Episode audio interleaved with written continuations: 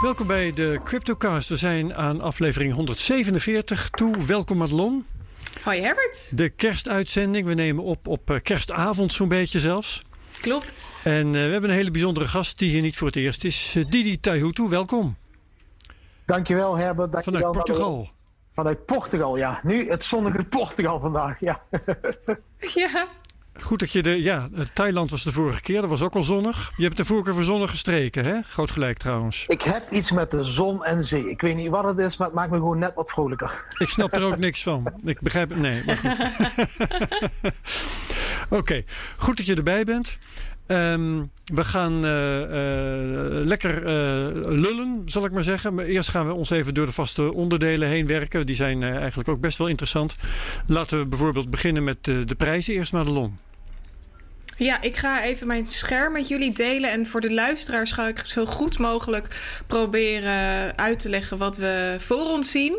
Uh, momenteel kijken we naar een uh, grafiek die eigenlijk steeds steiler omhoog loopt. We hadden die grote driehoek die we in het begin zagen. En vanuit die driehoek zijn we uitgebroken opwaartse trend ingegaan. Die zich steeds maar verder versnelde en eigenlijk bijna verticaal omhoog liep op een gegeven moment. Dat is als je de dagcandles gebruikt en als je dan langs inzoomt op de 4 uursgrafiek, zie je tal van andere nieuwe patronen. Kijk, je kan nu meekijken en dan kun je ook zien wat de koersdoelen van die patronen zijn. En we zijn nu eigenlijk in een vlagpatroon terechtgekomen. Nou, waar, waar herkennen we een vlag aan? Die herkennen we door een lijn die bijna verticaal omhoog loopt en daarna een, uh, een vlaggetje maakt.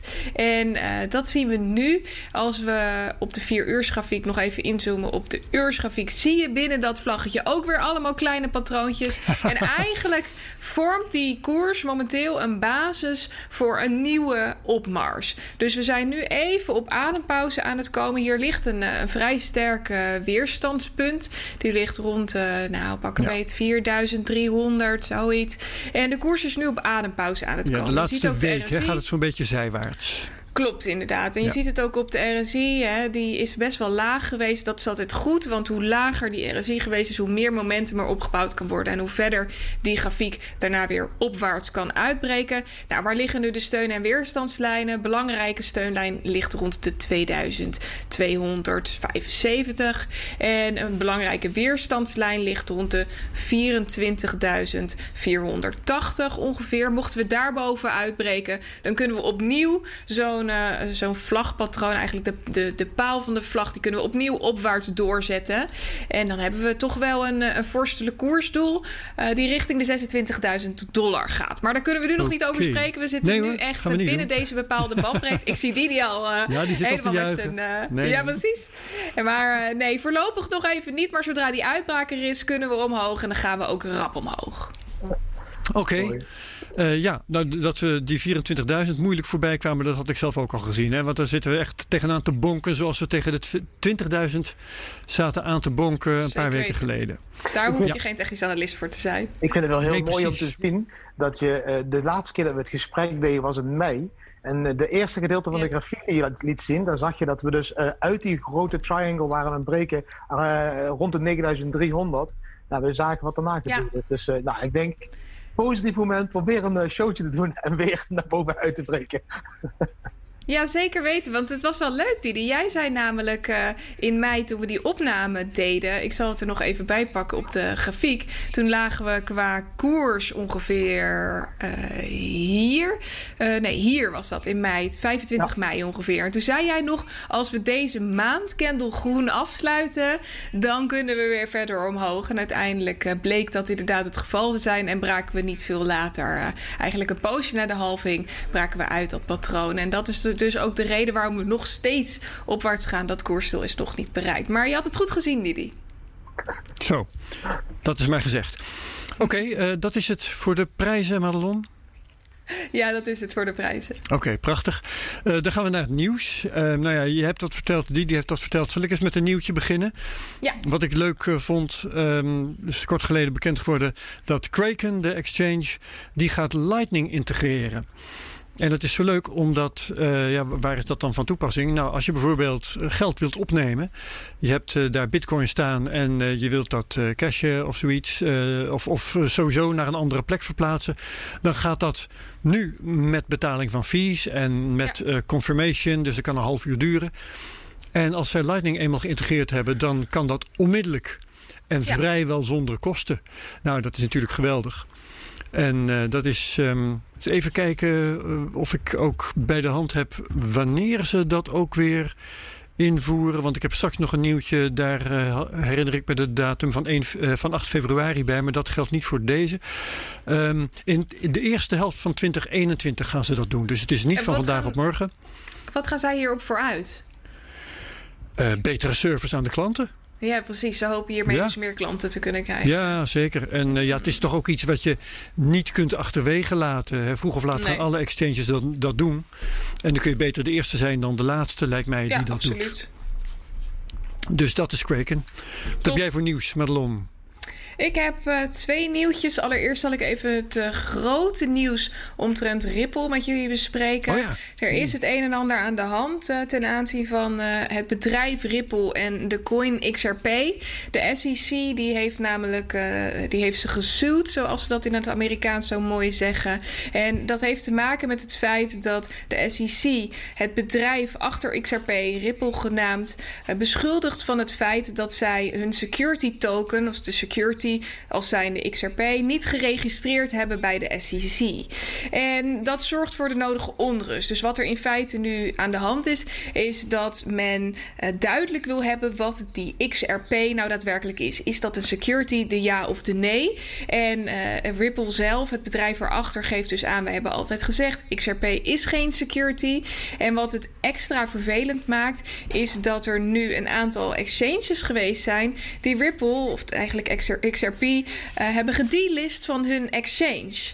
En dat is best wel bijzonder, want de exchange is degene die het meeste risico loopt in deze. Zo schijnen er in 2017 en 2018 overeenkomsten gesloten te zijn met meer dan 10 handelsplatformen voor uh, verschillende uh, redenen, maar met name om dus XRP aan te bieden op hun platform. Daar zouden meerdere XRP's voor betaald zijn. Hè. Dan moet je denken aan miljoenen die daarvoor betaald zijn om die coin te listen. En um, ja, de SEC is hier dus totaal niet blij mee. Nee. En dat is best wel begrijpelijk. Maar goed, aan de andere kant is Ripple heel erg positief. Zij zeggen wij gaan de strijd aan. Ondanks dat zagen we wel een koersval van uh, meer dan 35% afgelopen week. Nee. Dus dat is uh, behoorlijk fors. En de daling die zet nog eventjes, uh, zet nog eventjes voort. Ja, en de, de centrale vraag is dus: is Ripple uh, XRP, moet ik zeggen, wel of niet een security? En wat is Ja. de definitie van een security eigenlijk? Ja, ja dat, dat is best wel lastig. Daar wordt best wel wat over gesteggeld. of Ripple inderdaad een security is, de ja of de nee. En of dat dan binnen het reguliere uh, uh, security vakje valt. We hadden natuurlijk de STO's, de Security Token Offerings, maar die werd, werden allemaal in het vakje van utility geplaatst, zodat ze eigenlijk Mhm. niet onder de regelgeving vielen. En wat nou de gegronde redenen zijn van de SEC om Ripple wel een security te noemen, dat is maar de vraag. Dat hebben ze nog niet naar buiten gebracht. En ik ga ervan uit dat ze dat de komende tijd naar buiten zullen brengen. Wat nog wel even goed is om te vertellen, ik zei net, de koers is 35% gedaald. Inmiddels is de koers min. Uh, even kijken, staat hij op een min van 52% in de afgelopen zeven dagen. Dat is dus Oeps. niet niks. En nee, hij was ook wel kort geleden heel erg gestegen. Hè? Dus uh, daar zitten. Ik zie Didi heel erg lachen. ja. Jij vindt het allemaal niet, niet erg, hè, geloof ik, Didi. Dat hier gebeurt. Nou ja, nee, nee, ik vind het kei leuk dat er over gesproken wordt. Maar ik denk dat de, de belangrijkste les die we hieruit kunnen leren. Is uh, precies hetgeen wat uh, bij jullie zo mooi op de achtergrond staat, dat Bitcoin-logo. Kijk, dit is nu precies het verschil tussen een uh, gedecentraliseerde en een gecentraliseerde coin. Een gecentraliseerde coin, als XRP ge, gecreëerd door Ripple, die kan ten alle tijde gestopt worden, gesuwd worden, die kan afgenomen worden, die kan geblokt worden. Dat kan mee gedaan worden door grote instanties zoals de overheid of de Belastingdienst, wat ze willen.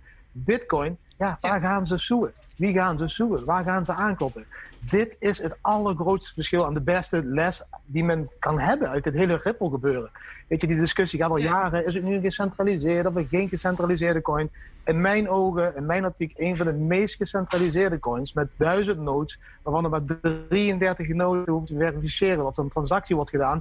En die 33 nodes worden met de hand uitgezocht door het bedrijf Ripple. Ja, hoe gecentraliseerd wil je zijn? Ja, en dan krijg je dit. En dan krijg je dat de SEC zegt, eh, foei foei, dat mag niet. en dan moet je stoppen. Ja, ik vind dat lachwekkend. Want dat is dus precies wat Bitcoin uh, nooit zal gebeuren. Ja, helder. Heb jij ook nog een nieuwtje voor ons, Didi? Toevallig. Um, ja, ik heb eigenlijk heel veel nieuwtjes. Ik denk dat ik het mooiste nieuw toch, nieuws toch wel vind um, uh, van deze week is dat een groot bedrijf zoals um, MicroStrategy nu al 16, nee, ik, uh, sorry, ik zeg het verkeerd. Een groot bedrijf zoals Grayscale nu al 16,4 biljoen dollar in Bitcoin hodelt. Ja. Dat zijn 570.000 Bitcoins. En ik denk dat dat heel groot nieuws is. Want ik denk dat werkelijk dat dit de aanzet is geweest van alle institutionele FOMO die we op dit moment zien. Dit is de aanzet geweest dat MicroStrategy, dat PayPal, Mass Mutual. De meeste mensen kennen het bedrijf Mass Mutual niet, maar dat is een van de grootste ja. levensverzekeraars uit. Grootste verzekeraars, ja. En die gaan allemaal in Bitcoin. Dit is, ja, dit is giga. Ik denk dat dat de reden is waarom dat elke keer als we ook maar proberen te dippen, gewoon de dip wordt opgekocht. Buy the dip. Al deze billionaire trust funds kopen de dips. Dus ik vind dat eigenlijk uh, ja, waanzinnig mooi nieuws. Uh, rondom kerst bij de dip. en dat zie je inderdaad ook aan die, die grafiek die Madelon net uh, liet zien. Hè? Of als je hem zelf oproept via Bitcoin Charts of iets dergelijks. zodra er een paar candles naar beneden gaan, baf, gaat die precies even hard weer omhoog. Ja. Ja. Dus er zijn voortdurend zijn er partijen op de loer die nog wat moeten kopen. En die dan, dat dan ook meteen doen. Ja, mijn nieuws sluit daar wel mooi op aan. Ja. Want ik had een, uh, een, tweet van Michael Saylor uh, klaargezet. En hij vertelde in die tweet dat MicroStrategy opnieuw 30.000 bitcoins ter waarde van 650 miljoen heeft gekocht. Op een gemiddelde prijs van 21.925 ja. dollar. Dus nog best wel aan dat de hoge lening, kant. Hè, en daarmee maakt ze. Precies, ja. inderdaad, waar we het eerder over gehad hebben. En daarmee uh, hebben ze nu, of bezitten ze nu Bitcoin op een uh, gemiddelde prijs van ongeveer 16.000 dollar. En ze hebben dus uh, 1,1, hoe zeg je dit in het Nederlands? 1125.000 miljard? 1125 miljard? Nee, nee, nee. nee. het is 1,1 biljoen. Ja, 1,1 miljard. 1,1 biljoen. Ja, precies. Ja. 1,1 miljard, dat is het inderdaad. Die zijn nu aan Bitcoin bezitten en dat is echt ontzettend ja. veel. Ze zijn nu uh, ja.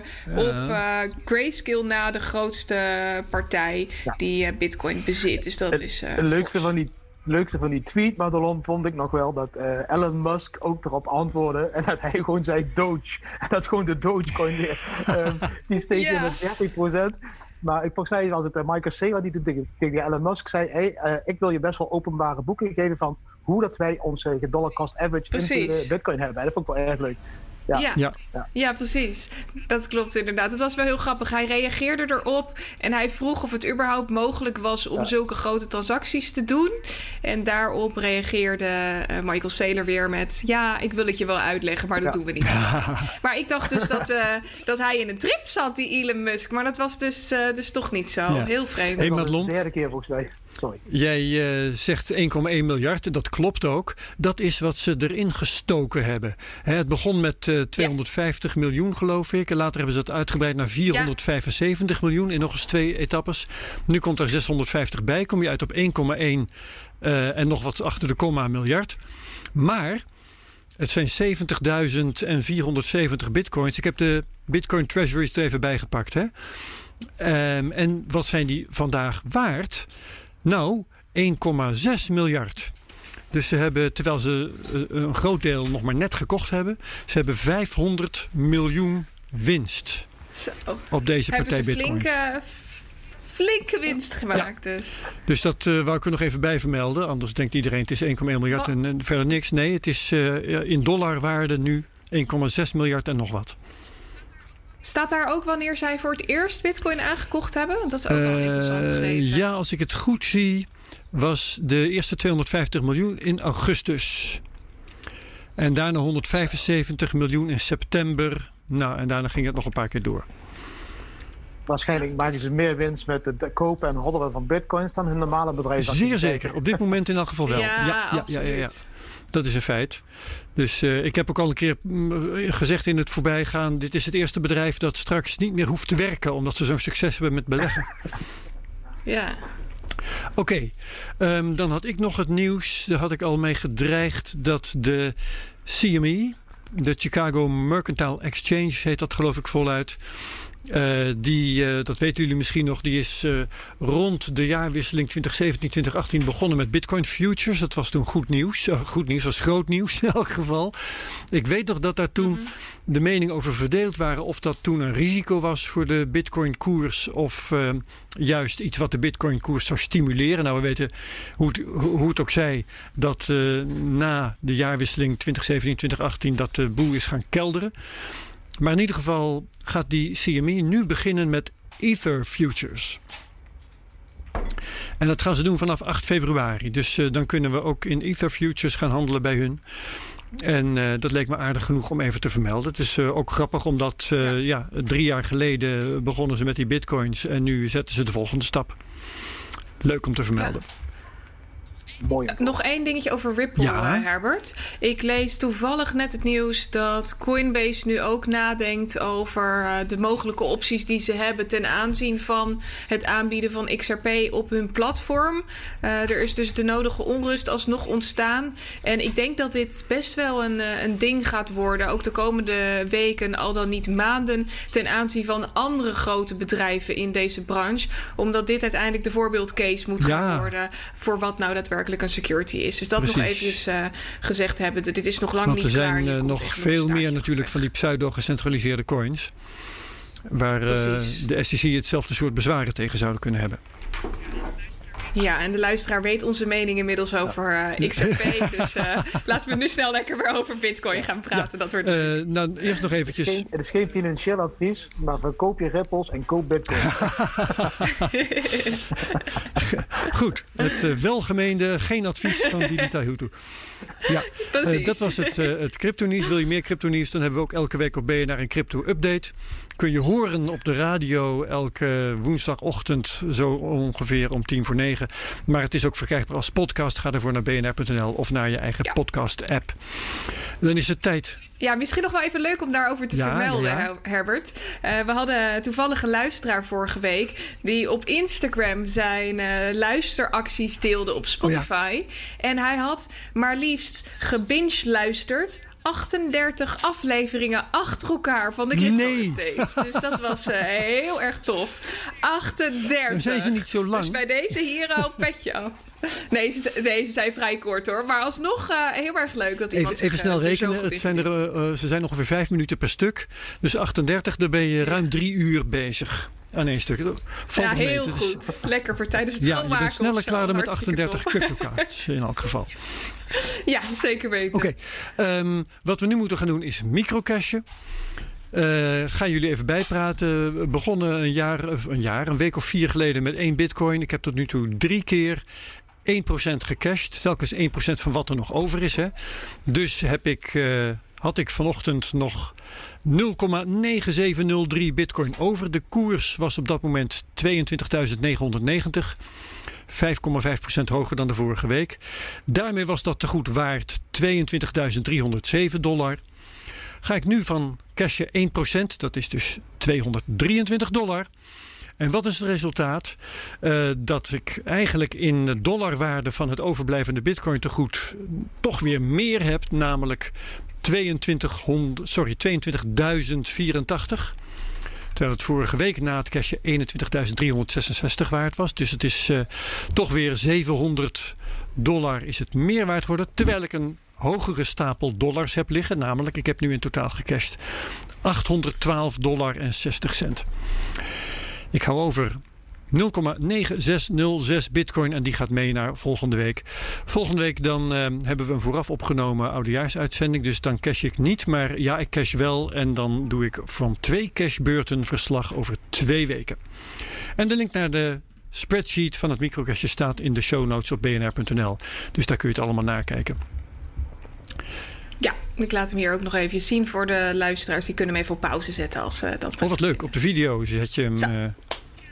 Ja, heel goed. Oké, dat monteer je in. Ik dacht even dat je je scherm ging delen, maar uh, dat doe je later. Had ik oh, dat heb ik even gemist omdat ik naar mijn eigen scherm zat te kijken. Precies. Heel mooi. Goed zo, we gaan lekker praten met Didi en jij mag aftrappen. Ja. Madeleine. Ja, hartstikke leuk dat je er weer bent, Didi. We hebben natuurlijk uh, een bizar jaar achter de rug. Niet normaal wat Didi vindt het allemaal heel normaal hoor. Sinds de dat laatste keer. Ja, ja vast. vast. uh, niet normaal wat er veranderd is. Sinds de laatste keer dat we jou spraken, natuurlijk. En de laatste keer was dat vanuit Thailand. Maar inmiddels zit je in Portugal. En ik ben eigenlijk best wel benieuwd wat jou heeft doen besluiten om naar Portugal te verkassen. in plaats van in het mooie Thailand te blijven. Nou, als het aan mij had gelegen, dan waren we nog gewoon uh, lekker op het strand daar blijven zitten. Maar uh, de, de, kids hadden heel erg behoefte aan Europa en even de familie en alles te zien. Ja. En we zaten vijf maanden inmiddels in Thailand op het eiland. En ik zei steeds, ja nee, ik ga niet naar Europa. Mijn broertje en mijn zusje hielden me natuurlijk up-to-date... dat iedereen een beetje bang was voor dat virus, bla bla bla. Dus ik zei tegen mijn kinderen, dat doen we niet. En toen zei mijn oudste dochter op dat moment tegen mij... nou pap, jij hebt ons geleerd om nooit in angst te leven. Dus waarom zouden we nu dan in angst leven om naar Europa te gaan? Als we het niet leuk vinden, gaan we weer verder. Daar sta je dan met je bek vol tanden en dan heb je gelijk het gevoel, ja. ah, ik heb het goed gedaan, mijn kinderen heb ik goed opgevoed. Ja. En, en toen heb ik eigenlijk mijn akkoord gegeven. Toen heb ik gezegd, oké, okay, laten we naar Europa gaan. En toen zijn we naar Finland gevlogen, Duitsland en toen naar Nederland. En toen zijn we twee weken in Nederland geweest. Um, dat was voor mij een cultuurshock. Dat was een gigantische shock. Uh, wij hadden vijf maanden in een bubbel geleefd in Thailand ja, waar eigenlijk niks te doen was omtrent een of ander virus. Alles was open, de winkels, restaurants. Je kon je gewoon vrijelijk bewegen. En in Nederland zagen we toen wat lijnen op de straat staan en allemaal die dingetjes en vierkantjes. En ik denk, nou, wat gebeurt hier? En iedereen ja, was wat angstig en terughoudend. Wilde niet knuffelen, wilde niet... Ja, het was voor ons een beetje apart. Hoe kwam dus het, die, die, dat er in Thailand geen probleem is met corona? Ja, weet je, ik, ik weet natuurlijk niet, ik ben geen, geen, geen viruskundige, maar in de periode dat wij daar zaten, waren er op de acht nee, op de 80 miljoen mensen die er in Thailand leven, uh, waren er 50 doden.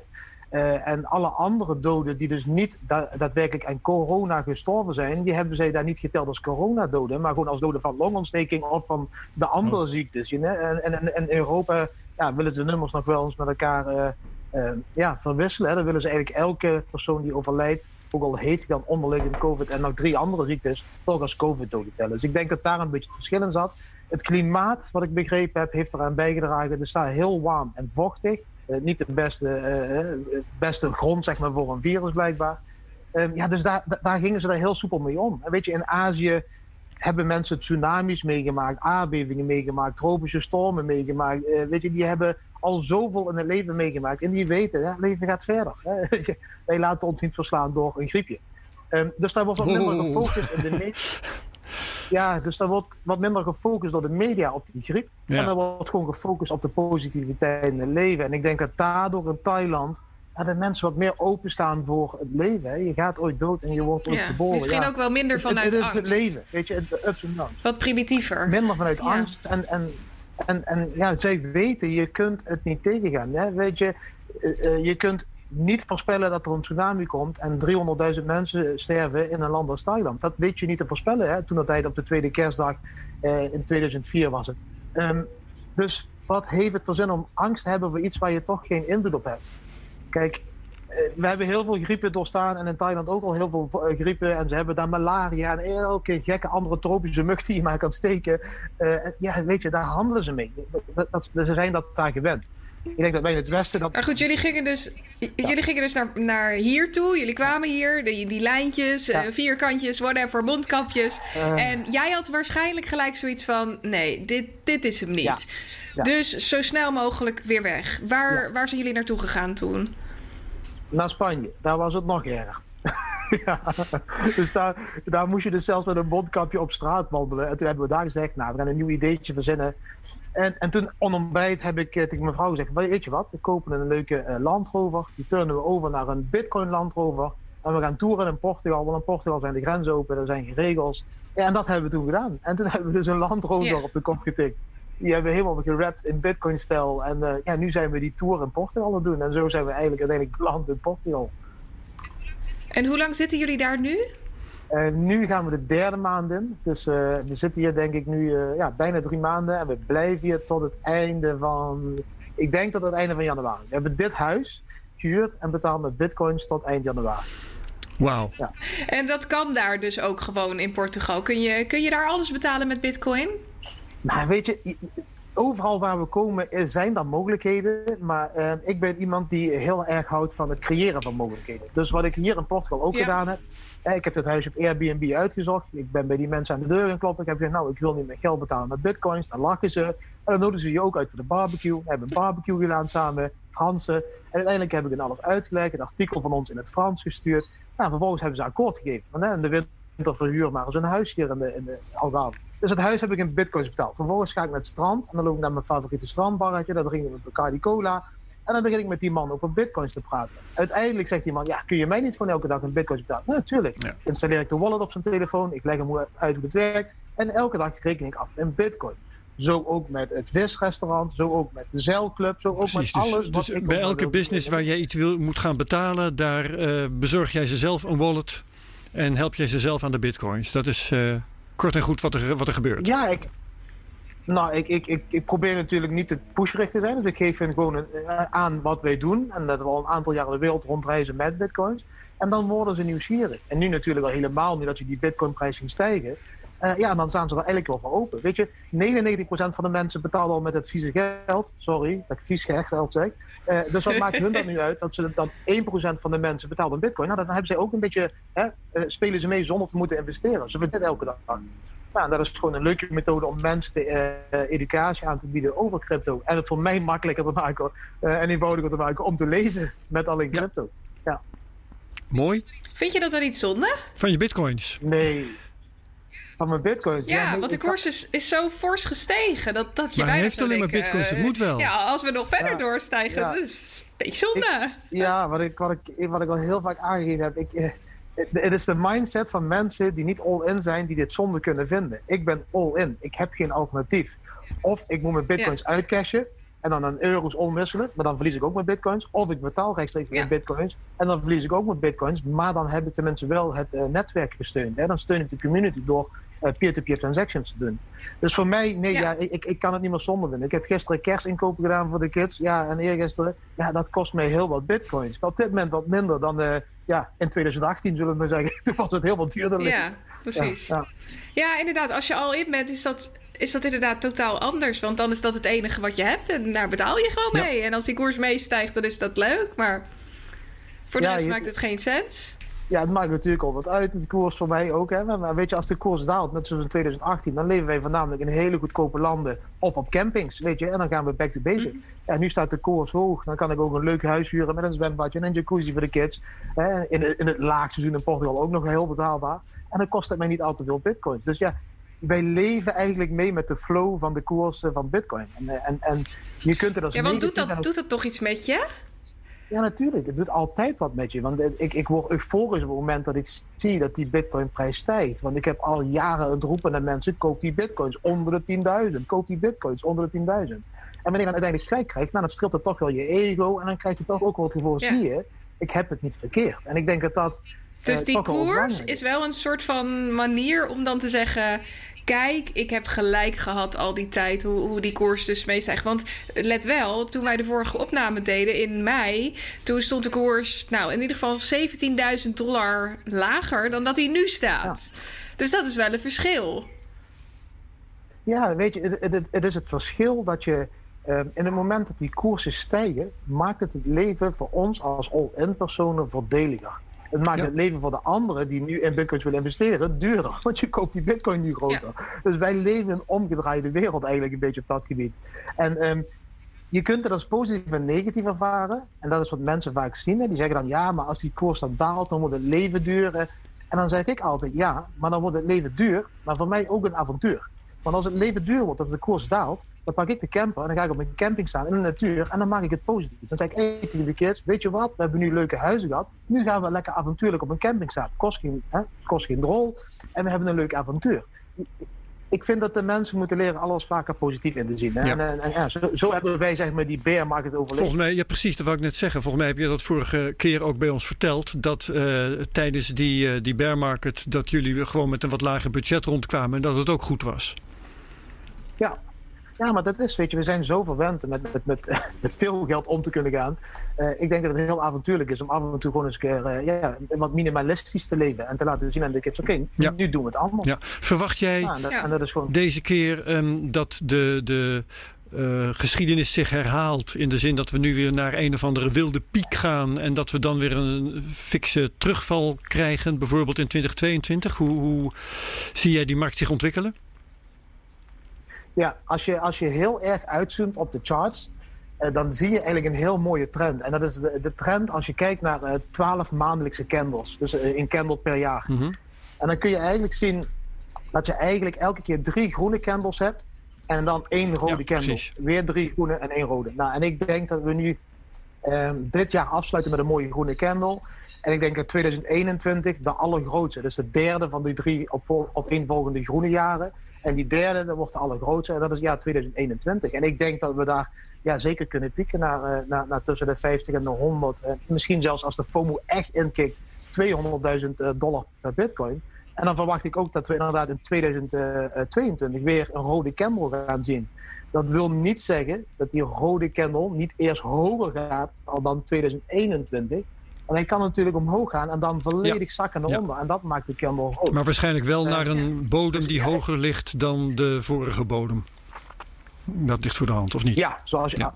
als we de historie zouden, zouden herhalen, dan zouden we inderdaad die rode candle eigenlijk weer uh, uh, boven dadelijk bijvoorbeeld de 30.000 moeten uitkomen als, als dat de groene candle uh, zou sluiten dit jaar bijvoorbeeld. Ja. Dus ja, ik, ik zie het heel vrolijk in 2021. Het wordt denk ik een heel mooi jaar.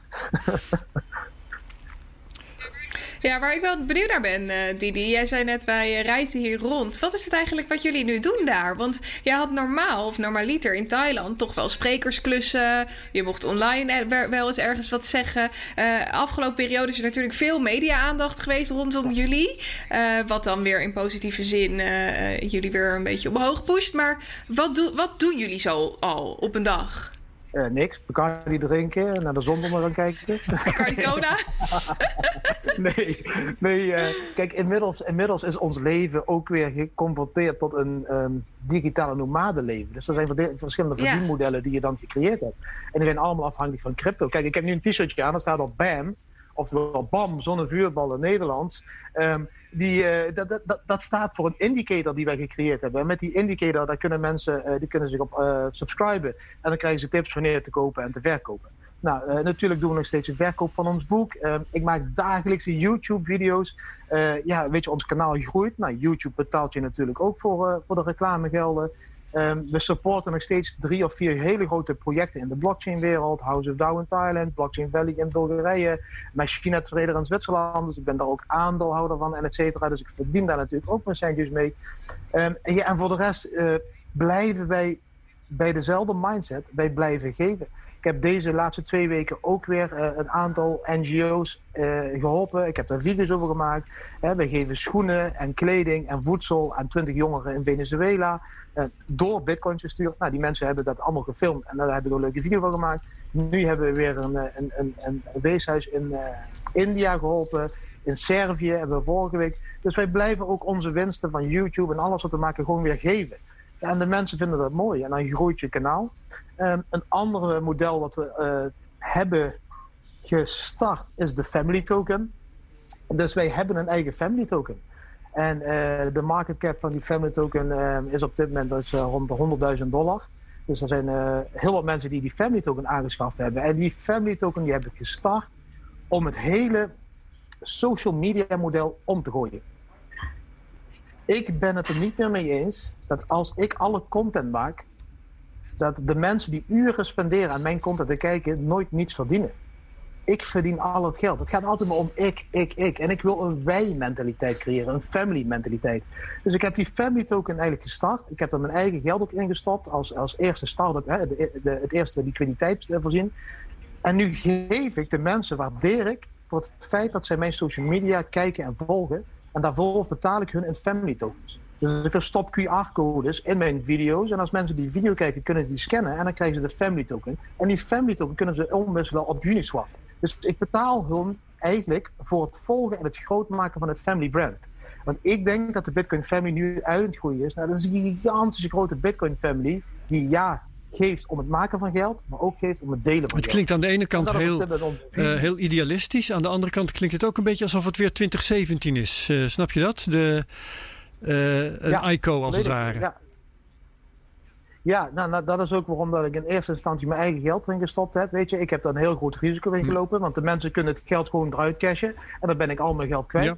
Uh, maar ik had het vertrouwen erin dat de community eigenlijk al begreep wat ik aan het bouwen was. En uh, nou, dat is eigenlijk nu wel gebleken. En, en dagelijks verdienen de mensen uh, family tokens. En dat is voor mij het belangrijkste. Dat kinderen in Venezuela, die mij helpen met mijn Instagram te groeien of die mijn video's kijken, alles met 20 cent of 30 cent per dag verdienen. Weet je, dat is voor die mensen daar best wel veel geld. Ja, en is dat een, een manier om, om verdiensten te delen? Of sta je je verdiensten van de video's ook af aan, aan de kijkers? Want je kunt er verschillende verdeelsleutels op loslaten natuurlijk, lijkt me.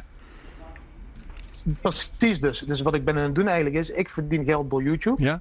En ik, ik verspreid dat geld van YouTube weer naar alle kijkers door middel van family tokens of door middel um, van sponsoringen, sponsoringen naar, naar uh, goede doelen. Zoals we deze week uh, drie keer hebben gedaan. Ja.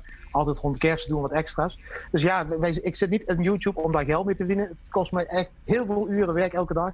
maar ik vind het leuk. Ik vind het gewoon leuk om content te creëren. En, en, en, dat geld wat we daarmee verdienen, dat delen we steeds ja, weer. En je zegt die, en, we zochten alleen voor een model. Die, fam, die family token heeft een market cap van, van een ton ongeveer, zei je. Is, die, is die vrij verhandelbaar op ja. een exchange? Hoe zit dat? Ja, die is vrij verhandelbaar op Uniswap. Ja. Oké. Okay. Dus je kunt ja. die gewoon elke dag, en die wordt ook elke dag gewoon omgewisseld. Ik zie gewoon mensen uh, 3 of 4 euro in family tokens omwisselen naar Ethereum of US Dollar Tether of naar DAI of wat dan ook. Uh, ja, dus, dus mensen kunnen het gewoon direct ja. uitcashen. En is het, is het een, een token uh, dat je alleen kunt krijgen of kun je er ook iets mee betalen? Bijvoorbeeld, weet ik veel, jouw boek kopen of iets dergelijks?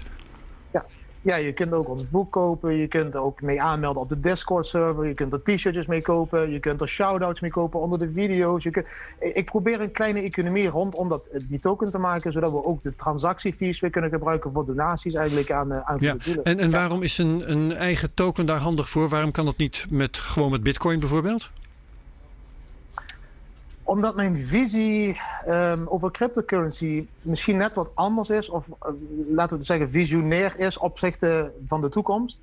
Um, ik denk dat social money een gigantisch grote rol gaat spelen in de toekomst. Kijk, we kunnen zien dat door de reguleringen die Amerika nu probeert te leggen hè, op, op het hebben van een eigen wallet, hè, dat is nu ja. de grootste nieuws in Amerika, hè, en al dat spul, dat ze proberen toch grip te krijgen op, op, op bitcoin en cryptocurrencies. Bitcoin gaat het nieuwe goud worden van de 21ste eeuw. Dat is waarom dat de banken en de centrale banken het allemaal supporten. Dat is waarom het hè, verhandelbaar is uh, als een future en een option en al dat stuff. Omdat de regeringen proberen daar weer controle op te krijgen, zoals we controle hebben gehad op het goudvoorraad. En in mijn ogen zie ik dat de wereld zich aan het veranderen is. Ik denk dat er steeds meer sociale communities gaan uh, ontstaan die hun eigen rolhandel weer gaan doen. En ook op een digitale manier, met hun eigen cryptocurrency. En daar he dat heet social money. Dat is een nieuwe stroming in cryptocurrency, waar zijn een community een eigen munt kan starten om die onderling te gebruiken als waardebepaling van diensten of van talenten of van goederen. En als je dat als visie zult zien voor de toekomst, dat er overal communities over de wereld eigen social currencies gaan gebruiken die onafhankelijk zijn van centraal gereguleerde instanties als een bank of een overheid of een centrale bank, uh, dan krijg je dadelijk over de hele wereld communities met interuitwisselbare uh, crypto's, social money. En ik denk dat dat wel eens een hele grote tak kan worden in de komende tien jaar. Dus vandaar dat ik daar eigenlijk op, op, op, voorhand nu op ben. Ja, maar om daar nog even over door te zeuren. Uh, als er heel veel communities zijn met allemaal een eigen token, dat is toch minder handig dan dat ze allemaal gewoon bitcoin gebruiken? Ja, 100% zeker. Maar we weten allemaal, en dat moeten we ook gewoon eerlijk toegeven, en ook ik als Bitcoin-maximalist, dat het op dit moment niet mogelijk is om Bitcoin volledig als peer-to-peer -peer cash te gebruiken. Weet je, ik gebruik het dagelijks om het Bacardi te betalen, maar het kost me wel elke dag 2 euro extra en fee. Ah, oké, okay, um, ja, ja. Dus we zijn nog niet zo ver. En, en, en als ik de kinderen in Venezuela wil betrekken in het monetair systeem door het hebben van crypto, dan is Bitcoin voor die mensen op dit moment niet de uitgekozen munt. Omdat ja, als het fees op 2 euro zijn en ze willen maar 2 euro zenden of ontvangen, ja, is dat op dit moment gewoon. Is Lightning dan geen optie? En uh, ja, Lightning is nog zeker, zeker een optie, maar op dit moment is Lightning voor mij nog steeds. Uh, in de beginfase van de e-mail, zeg maar in de negentiger jaren, waar mensen wel weten dat het bestaat, maar het nog steeds te moeilijk is om het te gebruiken.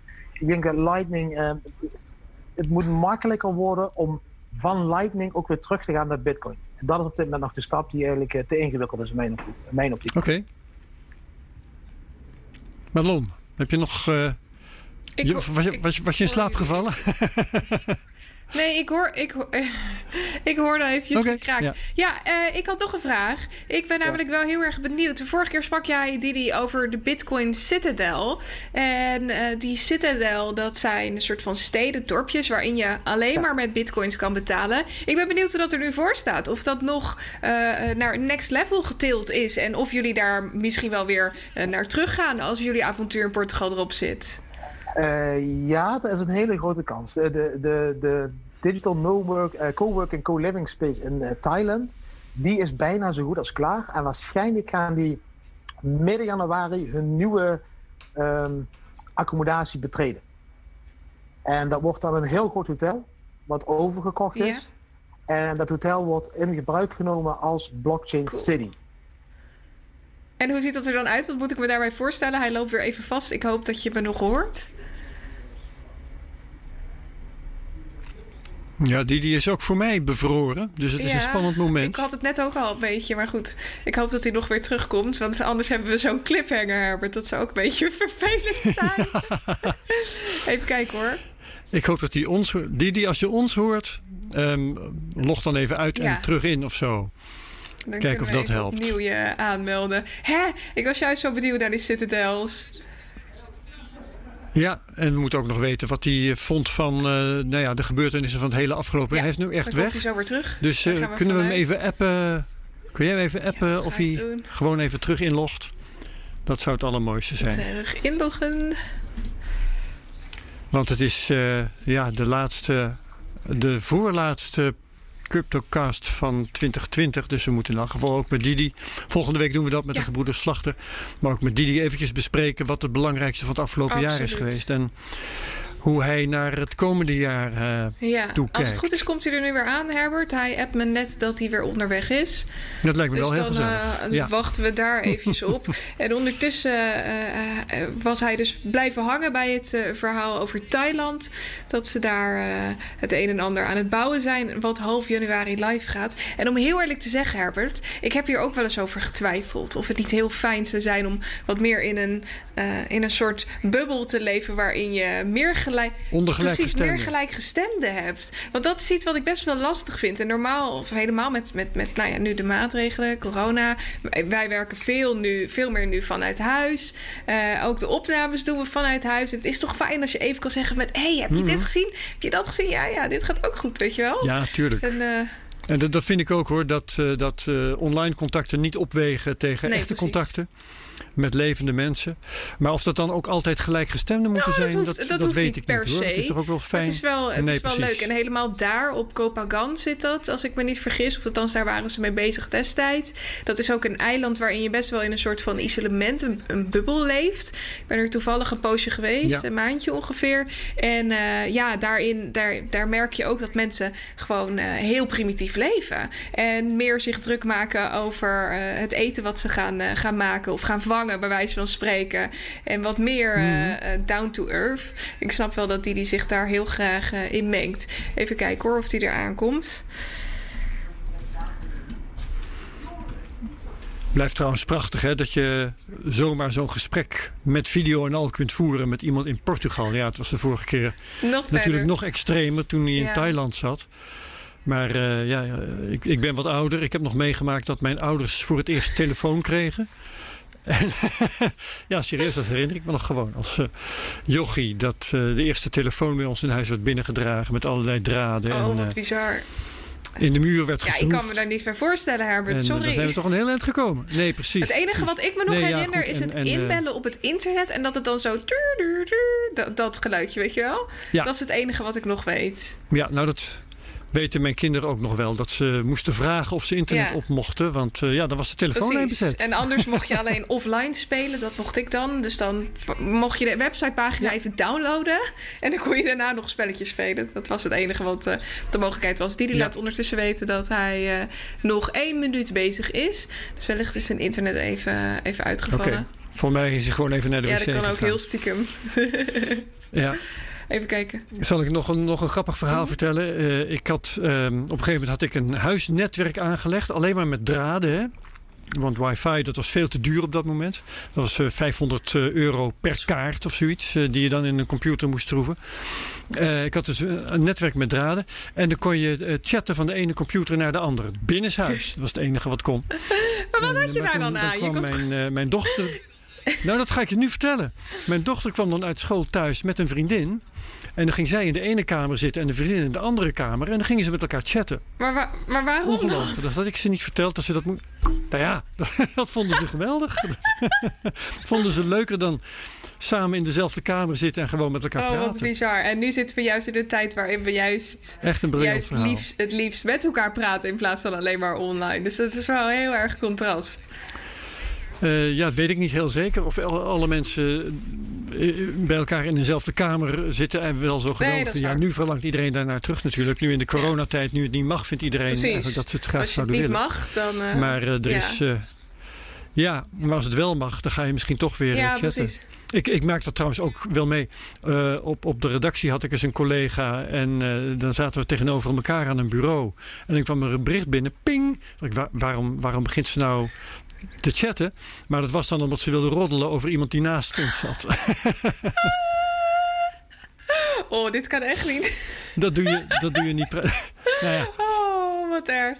Ja, ik, ik, het bestaat. Ik denk dat het veel voorkomt. in- Zeker weten. Ik had laatst eh, een interview, of althans iemand interviewde mij. En hij vertelde dat hij best wel, eh, best wel introvert was. En dat hij eigenlijk corona heel erg fijn vond.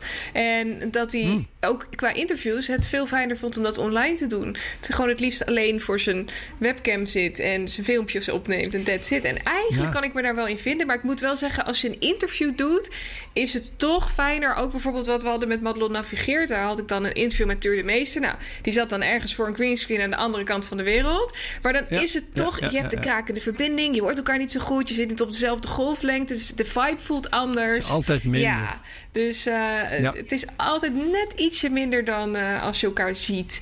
En dat je er echt gevoel bij hebt. Ja, nou, in de afdeling grappige dingen, eh, dat heb ik meer dan eens meegemaakt. Dat, dat ik geïnterviewd moest worden. En dat het als volgt ging. Eh, ik, ik mail u de vragen nu.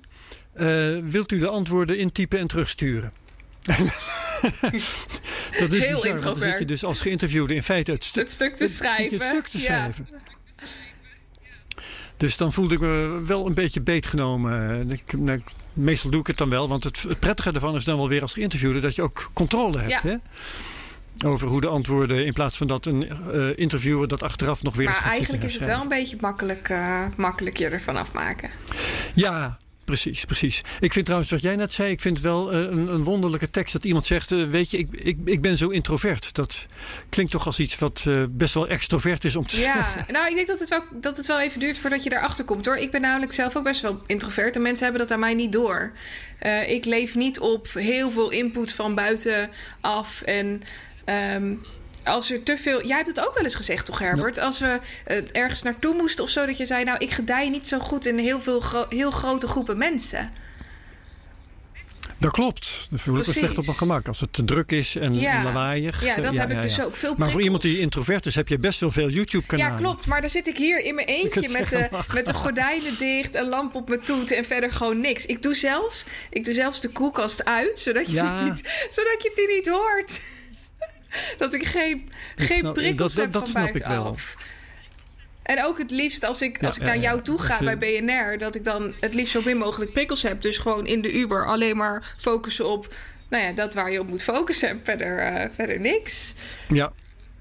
Tegen de camera praten is altijd eh, wat makkelijker dan tegen een menigte Ja, zeker praten. Dat is, dat is wel zo. Even kijken hoor. Ja. Hoe zit het ja, met die weet eigenlijk? Ik heb hem nog even een vraagteken gestuurd. Hij zei net uh, ja, één minuut. Nou, dat is inmiddels al uh, acht minuten geleden. En hij zei, mijn laptop liep vast. dus ik ben hem aan het refreshen en hij is nu aan het typen. Ik ben er, zegt hij. Ja, hij is er hoor. Ik heb hem net toegevoegd aan uh, de groep. Daar is hij weer. Daar is hij. Nou zeg. Oh, een andere laptop. Werkelijk. Ja.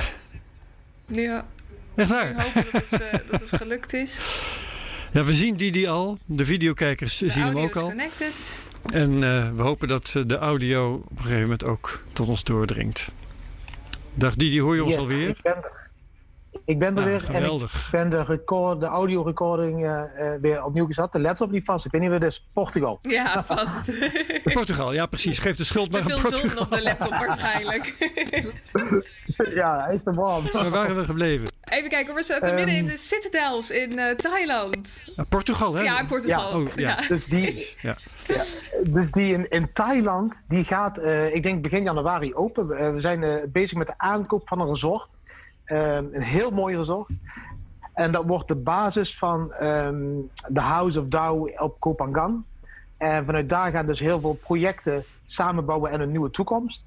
En dat wordt in de Proof of Work concept. Dus dat, dat, dat gaat daadwerkelijk in januari plaatsvinden. Um, ze hebben ook mij al gebeld, Didi. Je moet er wel bij zijn bij de opening. Kom naar Thailand weer ja, op Thailand hebben ze nu nog steeds een quarantaine van twee weken. Dus we wachten nog eventjes ja. uh, tot januari, februari wat daarmee gebeurt. Maar dat loopt in volle gang. Het andere project was een Blockchain Valley in Bulgarije waar ik mee bezig was. Uh, die hebben door de COVID uh, eventjes de stop moeten aanroepen. Maar die hebben nu, de hele Blockchain Valley wordt virtueel gecreëerd. Dus het hele land is nu virtueel gecreëerd waar je als avatar kunt rondlopen. En de 2 miljoen vierkante meter grond die ze nog steeds hebben, dat wordt dan weer aangevangen wanneer dat uit de lockdown en uit de winter komt in Bulgarije. Uh, die virtuele wereld is waanzinnig, want daar gaan ze beginnen met het uh, openen van festivals en entertainment en alles. En dan kun je als je avatar rondlopen. Mijn avatar is al klaar. Ik heb hem gisteren op Twitter gedeeld. Um, ik heb de eerste house party, 90s house party, al, als virtueel avatar rondgelopen. Uh, ja, dus dat, dat, loopt ook eigenlijk door. En ik ben nu uitgenodigd door een heel groot bedrijf. Die willen een um, House of beginnen hier in Portugal. Ah. En daar zit een Zwitsers bedrijf achter. En die uh, willen de eerste investering doen om het aankoop van de grond. Uh, dus daar heb ik ook een beetje voet in de grond. Daar willen ze me ook in mee betrekken. En dan gaan we dan ook uh, een mooie digitale nomade co-working, co-living place in Portugal uh, starten. Dus dat loopt allemaal. Ja. Tof. Dus jullie gaan eind januari weer richting Thailand zodra je daar niet meer twee weken in quarantaine hoeft. Zodra ik niet in quarantaine hoef, gaan we daarheen. Uh, we hebben ook een hele leuke uitnodiging gekregen door een bedrijf. Ik ga even de naam nog niet noemen, maar om een tour te doen in Canada. Dus ze willen ons heel graag met de Land Rover naar Canada toe hebben verschepen. En dan een hele tour naar Canada doen. Ook weer Bitcoin-adoptie, bedrijven bezoeken, nou, al dat gebeuren. Um, ja, er gebeurt op dit moment weer gigantisch veel. Sinds drie weken hebben we een wekelijkse show op vrijdagavond over ons Bitcoin-leven. Dus daar gaat niks over nieuws, niks over, um, ja, over charts. Het is puur alleen elke vrijdag een show hoe wij leven als gezin. Een soort van real-life uh, soap zullen we maar zeggen. Uh, die is ook drie weken geleden gestart. We zien nu vier episodes vanuit. Morgen gaat de volgende vrijkomen. Um, het, er staat heel veel te gebeuren op dit moment. We zijn ook in contact gekomen met een Frans bedrijf die een hele toffe documentaire willen maken. Dus ja, misschien wordt die documentaire wel de tour van Portugal naar Thailand, naar die Citydale, om die te openen met de auto. Om ook aan de wereld te laten zien dat tijdens deze barre ellendige tijden je nog steeds kunt reizen. Ja. Ja, ja, ja. Intussen hoor ik je trouwens wel zeggen, dat valt me op, dat, uh, dat, dat je die quarantaine hebt in Thailand. Dus, dus ze hebben wel degelijk serieuze maatregelen tegen corona. Ja, om erin dat, te komen uh, nu... Dat valt me dan toch op. Ja, om erin te komen nu hebben ze heel strikte maatregelen getroffen. Uh, twee weken in een vijfsterren hotel. Wel een hele luxe quarantaine, maar je moet twee weken in een vijfsterren hotel doen. Na vier dagen Ja. krijg je een test. Is die test goed, mag je al eerder eruit. Anders moet je nog wat langer blijven voor de volgende test. En anders mag je dan eruit. Uh, ja, het land zit, is COVID-vrij, zeggen ze. En ze willen het heel graag COVID-vrij houden. Uh, ja, ze zijn afhankelijk van toerisme. En ze willen het toerisme niet zien Ja. instorten. Dus Ja, ja. uh, ik denk dat Ik heb, eh, ik heb zitten nakijken te- terwijl we bezig waren. Eh, Thailand heeft eh, 86 doden per eh, miljoen op dit moment. Ja. Terwijl Nederland al in de buurt van de duizend eh, zit. Dus inderdaad hebben ze het een stuk beter onder de duim dan, eh, dan wij. Ja, waarschijnlijk echt door het weer hoor, maar dat, ja, niemand weet het natuurlijk ja. misschien. Ja, ja, of misschien ook wel door, eh, door. Want veel Aziatische landen hebben veel last gehad van SARS. En uh, weten dus gewoon goed hoe je dat varkentje moet wassen. Dus misschien ja. gewoon betere maatregelen genomen. Dat kan natuurlijk ook. Dat, plus de zon, het weer, vitamine D, vitamine C, al die gezonde voedingen. Ja, weet je, het, het kan zoveel zijn, maar ja. En uh, Didi, jouw verwachting Goed. voor uh, het komend jaar? Want je zei net al, ik uh, vind vooral belangrijk dat er nu institutioneel, vanuit institutioneel oogpunt naar Bitcoin wordt gekeken. hoe kijk jij naar de komende tijd? Is dat de trend die zich gaat continueren, zoals wij dat als technische analisten zo mooi kunnen zeggen? Of verwacht jij dat dat afzwakt en dat we de retail gaan zien die juist de boel overneemt? Um, om heel eerlijk te zijn, als we normaal gesproken de markt zouden bewegen zoals de markt beweegt, dan moeten we een correctie van 30 tot 40 procent zien. En dat hebben we in 2017 ook gezien. Vele runs van 200 procent, maar ook vele correcties van 40 procent. Um, ik ja. twijfel op dit moment daar heel erg aan. Ik hoop nog steeds op 26.000 op de 26e op tweede kerstdag. Mooi, mooi, mooi moment om de 26k te halen. Um, elke dip wordt opgekocht. En ik denk niet dat dat minder gaat worden. Ik denk dat dat veel meer gaat worden. Ik denk dat de institutionele FOMO daadwerkelijk ervoor gaat zorgen hè, dat er meer en meer bitcoins gekocht gaan worden. En dat we daadwerkelijk een supply, een, een, een, een supply crisis hebben. We hebben niet meer genoeg bitcoins om de markt te voorzien. En dan moeten we erbij nadenken dat alleen PayPal op dit moment in Amerika bitcoins verkoopt. Wanneer PayPal de grenzen opent voor Europa en de rest van de wereld, dan zullen ze de bitcoins ergens vandaan moeten toveren. PayPal gaat zich in het rijtje toevoegen met MicroStrategy en al die andere biljonair fund companies. Ja. Er zijn te weinig bitcoins. Er komen maar 900 Ja, want vanuit PayPal is er nu al vraag naar 20 à 25 miljoen bitcoin per dag. Vanuit alleen Amerikanen. Ja. En er wordt maar 17,1 miljoen bitcoin gecreëerd. En dan is er daarnaast ook nog al die andere vragen. Ja, aan waarde. En de vraag of de miners het überhaupt aanbieden. Natuurlijk, aan waarde. Er worden maar 900 bitcoins maximaal per dag gemined. Weet je, dat zijn er 900. Ja. Die worden allemaal ook doorblijven. Dus ik, ik denk ja. dat elke dip op dit moment opgekocht gaat worden. En ik denk dat daarom het stock-to-flow model dat ooit gemaakt is door Plan B... misschien wel eens een grote onderschatting kan zijn van wat we echt gaan zien. Die 100.000 dollar die hij verwacht volgend jaar... als deze grote bedrijven blijven toetreden tot de markt... En dan moet je je voorstellen wat er gebeurt als Apple dadelijk zegt... oké, okay, wij hebben Apple Pay, we hebben een iPhone... Wij komen nu uit met een iPhone met een vertrouwde Bitcoin wallet, waarbij je ook met Apple Pay Bitcoins kunt kopen en behandelen. Weer zo'n groot bedrijf wat het marktaandeel gaat vergroten dadelijk waarschijnlijk, want die gaan die boot niet willen missen. Dan kan ik me niet voorstellen dat wij nog heel ver omlaag gaan dippen. Ik denk dat, wij, dat elke dip wordt opgekocht en dat wij misschien wel prijzen van 200 of 300.000 dollar kunnen gaan zien uh, in, de, in de top van de volgende cyclus. Weet je, als je kijkt naar, kijkt naar de, de charts, als je kijkt naar de charts, sorry, dan zie je de bitcoins verdwijnen weer langzaam van de exchanges. En toch gaat de prijs omhoog. Er zijn steeds minder bitcoins aanwezig op de exchanges en we zien de prijs alleen maar omhoog gaan. Dat ja. dat uit... Omdat er heel veel via over de counter verkocht wordt natuurlijk, die bereiken de exchanges niet eens. Ook, en dat er op, op net zoals Michael Saylor heeft toegegeven, op hele strategische manieren uh, micro-bitcoins worden gekocht. Dagelijks, voor, voor, een paar honderd dollar worden er elke minuut bitcoins gekocht. Dus is de invloed op de prijs ook wat, wat, wat minder groot eigenlijk.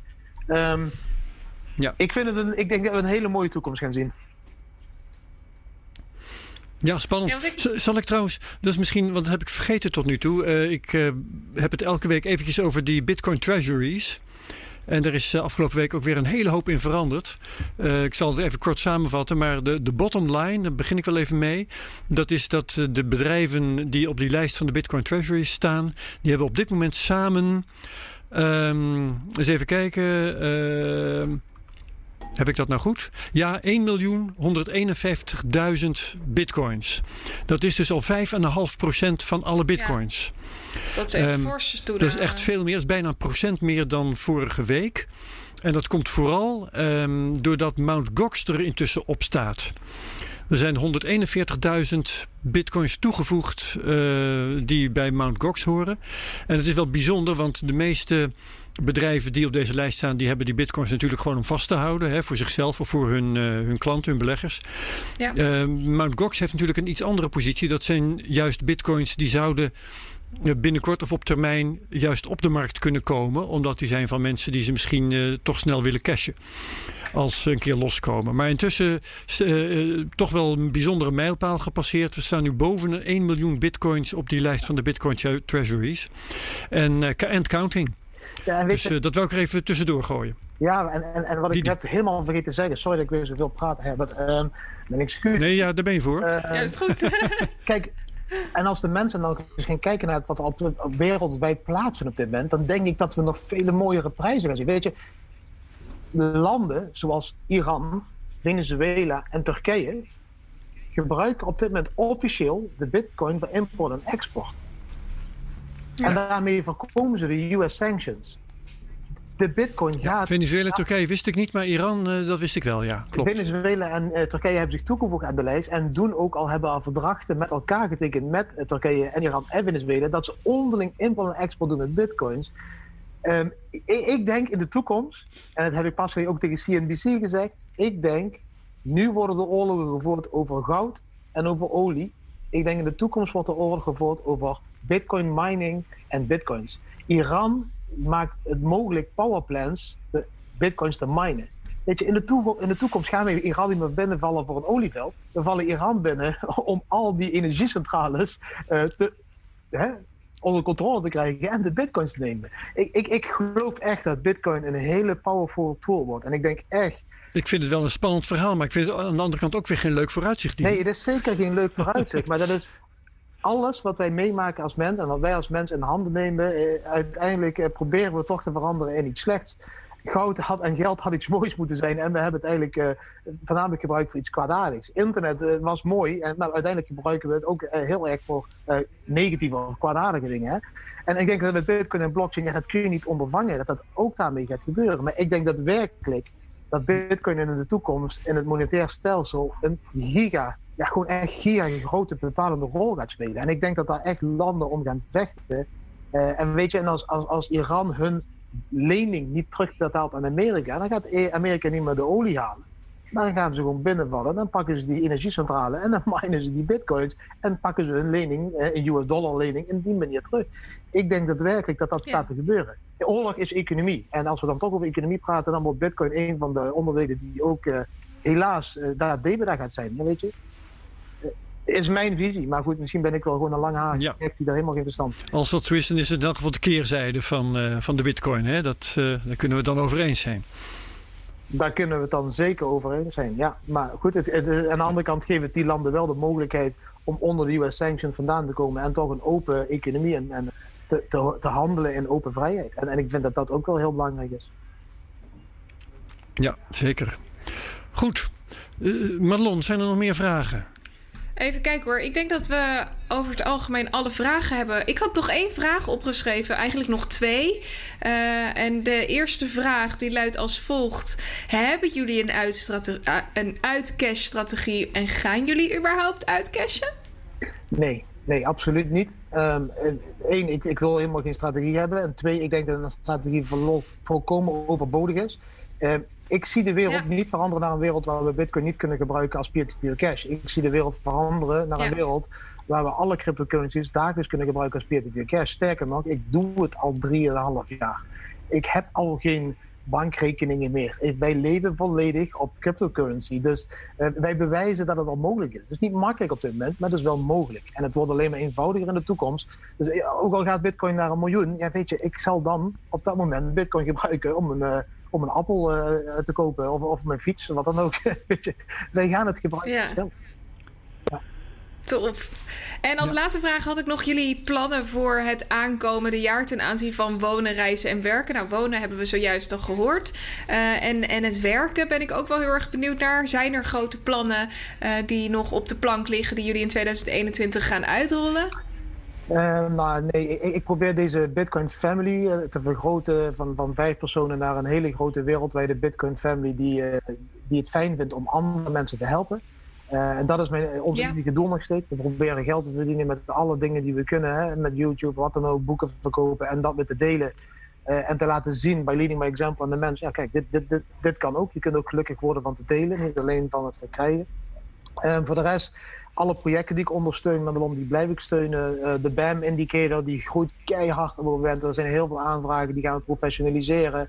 Ehm, ik kan één klein geheim aan het Nederlands verklappen, want ja, dat, dat, wordt waarschijnlijk door de Amerikanen en alle stad op dit moment niet beluisterd. Ehm, we gaan een fund starten voor microloans.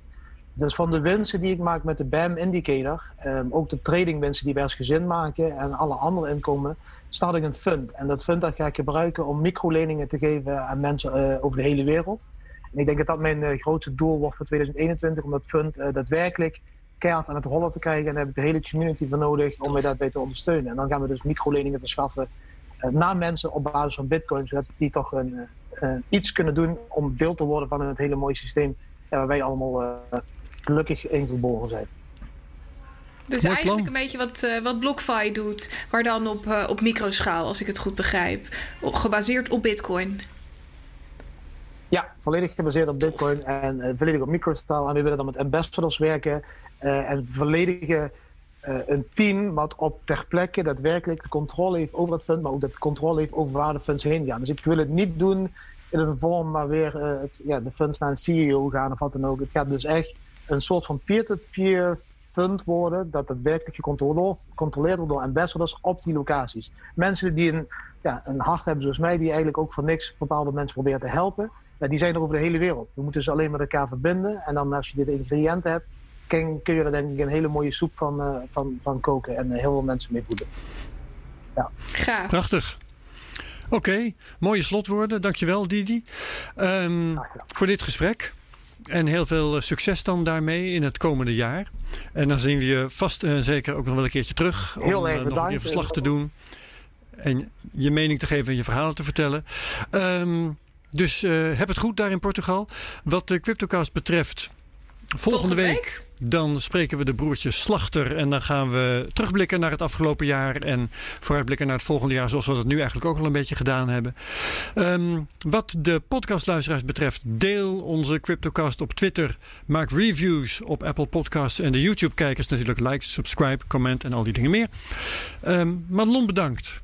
Herbert, jij natuurlijk bedankt voor de presentatie. Luisteraars en kijkers bedankt. Didi nogmaals bedankt en tot ziens. Zeker. Jullie. En iedereen tot de volgende CryptoCast. Dag allemaal. Hoi.